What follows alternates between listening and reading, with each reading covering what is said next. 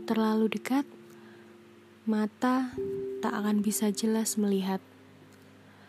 Begitu pula melihat seseorang dan juga melihat sesuatu masalah. Ketika sedang jatuh cinta setengah mati, atau sedang ada masalah dengan seseorang, kadang yang diperlukan adalah mengambil jarak yang pas agar terlihat lebih jelas.